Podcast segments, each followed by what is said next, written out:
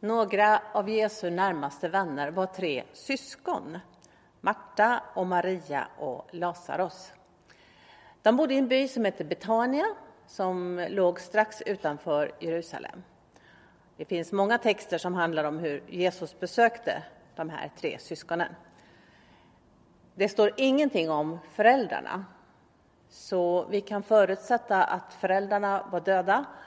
Och det här var tre unga människor som bodde tillsammans och stöttade varandra och tröstade varandra i sorgen efter föräldrar. Och Marta var förmodligen äldst av de tre. Syskonen hade alla lärt känna Jesus.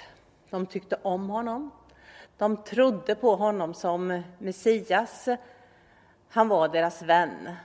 Det var nära och varma och goda relationer. Så blir Lazarus allvarligt sjuk. Och vad gör då systrarna? Jo, det är för dem självklara. De skickar bud på Jesus. Jesus kan ju bota, han kan ju hela. De, de vet ju det. Och de vet ju också hur mycket Jesus tycker om Lazarus. Och dessutom så är han inte så långt borta. Så skickar de bud på honom så kan han säkert strax vara där och fixa situationen. Man kan nästan se det framför sig hur de står där vid dörröppningen och spanar neråt vägen och tänker snart kommer Jesus, snart kommer Jesus, snart kommer Jesus och då ordnar sig allt. Men Jesus kommer inte. De väntar förgäves. Och då läser jag ett avsnitt ifrån Johannes 11, de åtta första verserna. En man som hette Lazarus var sjuk. Han var från Betania, den by där Maria och hennes syster Marta bodde. Det var Maria som smorde Herren med välluktande olja och torkade hans fötter med sitt hår. Och det var hennes bror Lazarus som var sjuk. Systrarna skickade då bud till Jesus och lät säga Herre, den som du har kär ligger sjuk. Jesus hörde det och sa Denna sjukdom ska inte sluta med döden. Den är till Guds ära så att Guds son blir förhärligad genom den. Jesus älskade Marta och hennes syster och Lazarus. När Jesus nu hörde att Lazarus var sjuk stannade han två dagar där han befann sig. Därefter sa han till sina lärjungar, låt oss gå tillbaka till Judeen. Lärjungarna sa till honom, Rabbi, nyss försökte judarna stena dig och nu går du dit igen. Jag stannar där och återkommer till texten om en liten stund. Jesus får veta att hans vän Lazarus är sjuk. Och han beter sig så märkligt. Istället för att vända och gå till Betania så står det uttryckligen att han stannar i två dagar. Och så säger han de här märkliga orden som väl ingen kunde förstå. Den sjukdomen leder inte till döden utan ska visa Guds härlighet så att Guds son blir förhärligad genom den. Jättesvåra ord att försöka förstå. Vad menas med det? Och Jesus går inte. En förklaring som lärjungarna tänker sig, det är ju att han nyss har varit i Jerusalem och där har det varit stenkastning och varit allmänt oroligt för Jesus. Så de tänker att ja, det kanske inte är så bra att återvända till Jerusalem-trakten. Det är nog klokt att hålla sig undan. Lazarus tillfrisknar inte. Han dör. Och som alltid så var det en omedelbar begravning. Den kommer inte Jesus till heller. Han kommer inte. När de som bäst behöver honom så kommer han inte. Kvar är nu två förtvivlade systrar som upplever sorg, ensamhet, förtvivlan, trötthet. De har ju haft en begravning att ordna med. Och de är väldigt besvikna på Jesus. Varför kom han inte? Tyckte han inte om Lazarus? Brydde han sig inte om dem? Vad fanns det för skäl till att Jesus inte kom? Det finns en del andra som kommer och besöker dem för att stötta de här ensamma systrarna. De sitter hos dem en stund, de försöker trösta, de kanske har med sig lite mat. Men det är Jesus de så förtvivlat gärna behöver. Och han kommer inte. Det går ett par dagar och så ryktas det att Jesus är på väg. Flera dagar för sent. Och då återvänder jag till Johannes 11 och läser ett lite längre avsnitt. Jag börjar ifrån vers 20. När Marta fick höra att Jesus hade kommit gick hon ut och mötte honom. Men Maria stannade kvar hemma. Marta sa till Jesus, Herre, om du hade varit här skulle min bror inte ha dött. Men också nu vet jag att Gud kommer att ge dig vad du än ber honom om. Jesus sa, din bror ska uppstå. Marta svarade, jag vet att han ska uppstå vid uppståndelsen på den yttersta dagen. Jesus sa, jag är uppståndelsen och livet. Den som tror på mig ska leva om han än dör. Och var och en som lever och tror på mig ska aldrig någonsin dö. Tror du på detta? Hon svarade, ja, Herre, jag tror att du är Messias, Guds son, han som skulle komma till världen. Då hon hade sagt detta gick hon och kallade på sin syster Maria och viskade till henne, Mästaren är här och kallar på dig. Så snart hon hörde det reste hon sig och gick ut till honom. Men Jesus hade ännu inte kommit in i byn utan var kvar på det ställe där Marta hade mött honom. Judarna som var hemma hos Maria och tröstade henne såg att hon hastigt reste sig och gick ut. De följde då efter henne i tron att hon skulle gå till graven och gråta där. När Maria kom till den plats där Jesus var och fick se honom föll hon ner vid hans fötter och sa till honom Herre, om du hade varit här skulle min bror inte ha dött.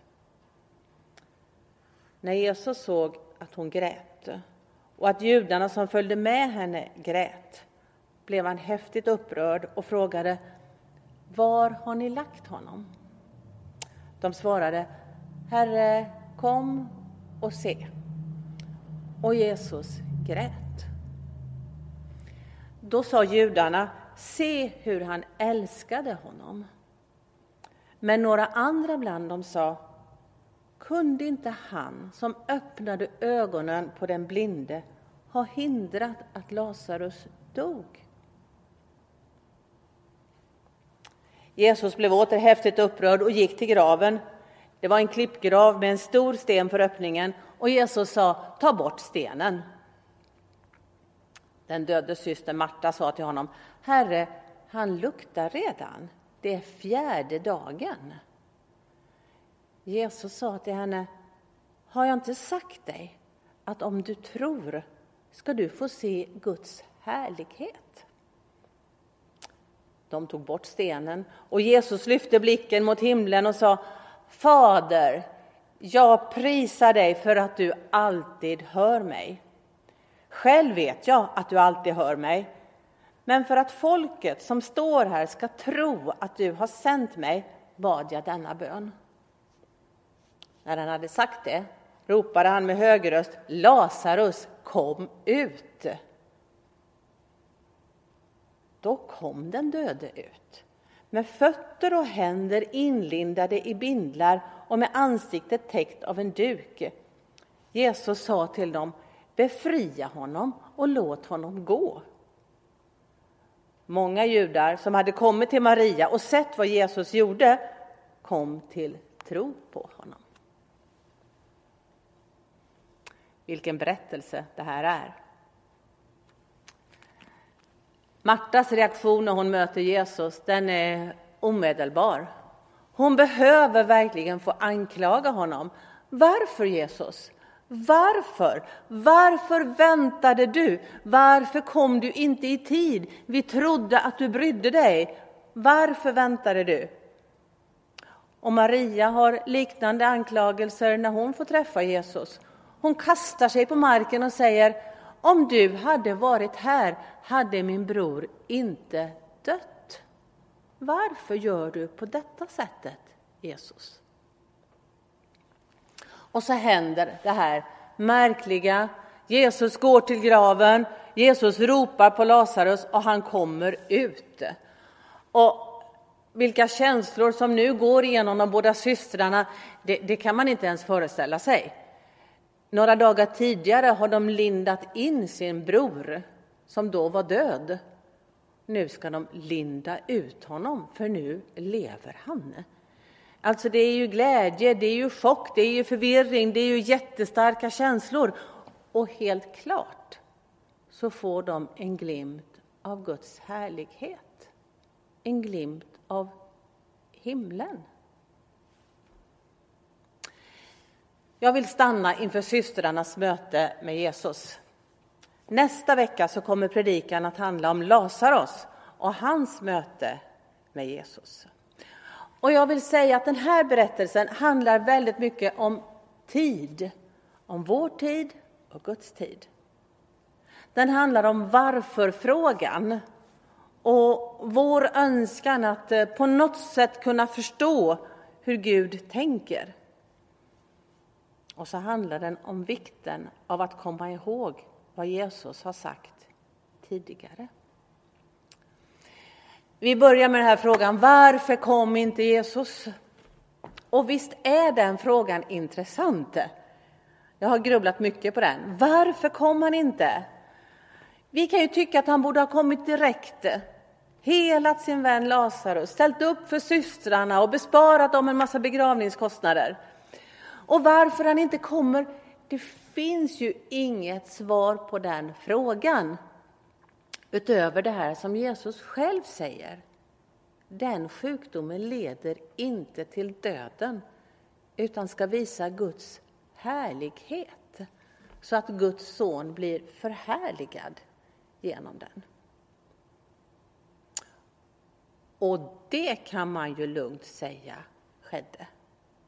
Marta och Maria och alla runt omkring fick ju se Guds härlighet på ett helt fantastiskt sätt. Och det här var undret som satte igång massor i det judiska samhället. En man som uppväcker en död som har legat i graven i flera dagar. Ryktet om det går snabbt. Och ryktet säger, han måste vara Messias. Det är efter det här som fariseerna fattar beslutet att de måste göra sig av med Jesus. För nu är situationen helt utan kontroll. Och uppväckandet av Lazarus, det blir startskottet som sen kommer att leda till att Jesus blir korsfäst. Det står senare i kapitlet att från den dagen bestämde de sig för att döda honom. Varför kom han inte tidigare? Det finns många ställen i evangelierna där lärjungarna tycker att Jesus borde göra si eller han borde göra så. Eller han borde inte göra si eller inte göra så. Om han nu är Gud och älskar oss så borde han göra så här nu. Gud, det är läge. Och jag tänker att eh, både du och jag ställer de frågorna ibland.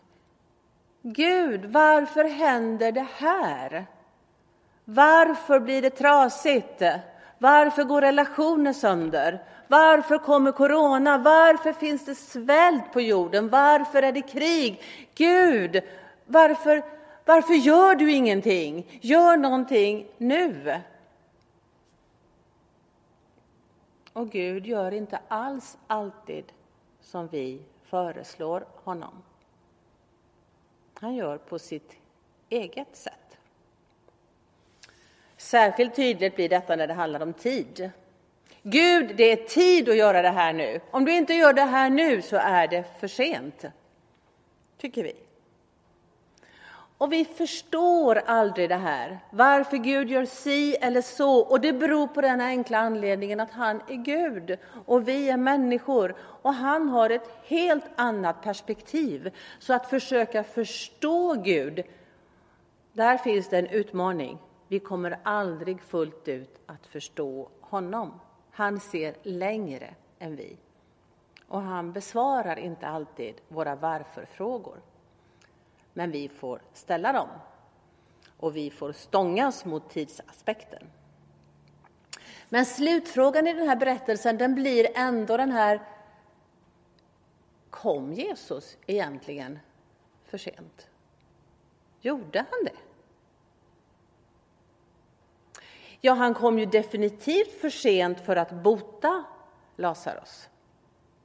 Han kom för sent för begravning, ja. Men han kom i tid för att uppväcka. Han kom i tid för att ge hopp, för att ge mod. Han kom i tid för att skapa en framtid för de tre syskonen. Han kom i tid för att visa att han var större än de hade kunnat ana. Han kom i tid för att visa att han älskar dem. Och han kom i tid för att visa Guds härlighet. Så jag tänker att han inte kom för sent. Han gjorde på ett helt annat sätt. I vers 40, som vi redan har läst, så står det att Jesus säger till Marta Har jag inte sagt dig att om du tror ska du få se Guds härlighet? I de här orden, har jag inte sagt dig, så förstår vi ju att Jesus och Marta de har pratat tidigare om vad tro är, vad tro leder till. Och Marta har fått höra att den som tror ska få se Guds härlighet, för det har Jesus sagt till henne förut. Och det samtalet, det finns ju inte återgivet. Men vi förstår att det var ett viktigt samtal när Jesus säger Marta, Marta, kom ihåg vad jag har sagt. Och så säger Jesus i, i vers 25, jag är uppståndelsen och livet. Den som tror på mig ska leva om han än dör. Och den som lever och tror på mig ska aldrig någonsin dö. Tror du detta? Hon svarade, ja, Herre. Jag tror att du är Messias, Guds son, han som ska komma till världen. Det finns många sätt att beskriva tro. Ett sätt är att använda ordet ändå. Att tro ändå. Det är vad Marta gör här. Hon tror ändå. Oavsett om Jesus kom för sent eller inte, fast Lazarus är död, så säger hon, jag tror att du är Messias. Hon tror även när hon inte förstår. Fast min bror ligger i graven, fastän tårarna strömmar, så säger hon ändå, jag tror. Jag tror att du är Messias, den som ska komma till världen. Hon har en tro som inte förklarar allt, som inte kräver svar på alla frågor, men en tro som bär henne ändå. I bibelordet så talar Gud till oss. Han berättar om vem han är. Han berättar vad han har gjort. Han har berättat vad som är den stora planen, den stora tanken. Och när vi kommer ihåg det här som Gud redan har sagt så får vi hjälp att möta de tuffa dagarna som ligger framför. Precis som Marta. Har jag inte sagt dig att om du tror ska du få se Guds härlighet? Jag tänker att eh, det säkert finns bibelversar och sammanhang i Bibeln som du känner till som du behöver komma ihåg där du är just nu. Du kanske är orolig. Då kan man behöva komma ihåg när Jesus säger Känn ingen oro, tro på mig. Du kanske har beslutsångest inför någonting. Då kan man komma ihåg bibelordet Jag ska leda er när ni går bedjande fram. Och när man känner sig rädd så kan man komma ihåg Jag är med er alla dagar intill tidens ände. Att tänka på vad Jesus har sagt kan bli vår största resurs när vi möter svårigheter.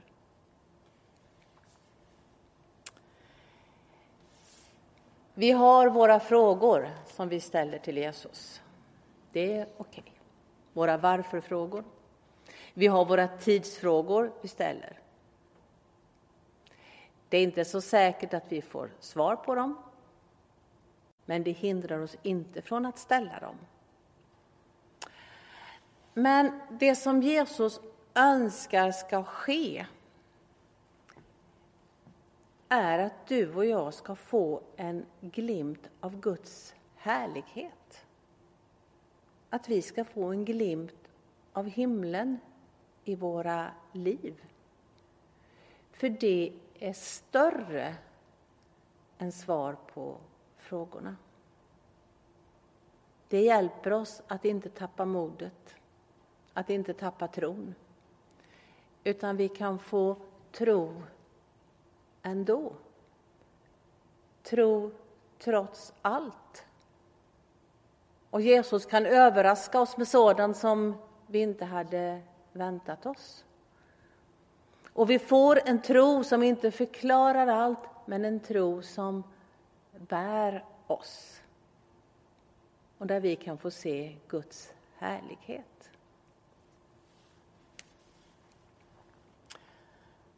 Den här texten den handlar också om evighetshoppet. Jesus sa så här, den som tror på mig ska leva om han än dör. Och den som lever och tror på mig ska aldrig någonsin dö. Jesus är större än allt. Jesus är större än döden. Jesus är livet.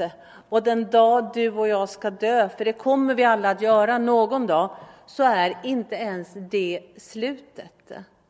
För Jesus är livet. Och döden blir porten till himlen, porten till den stora härligheten.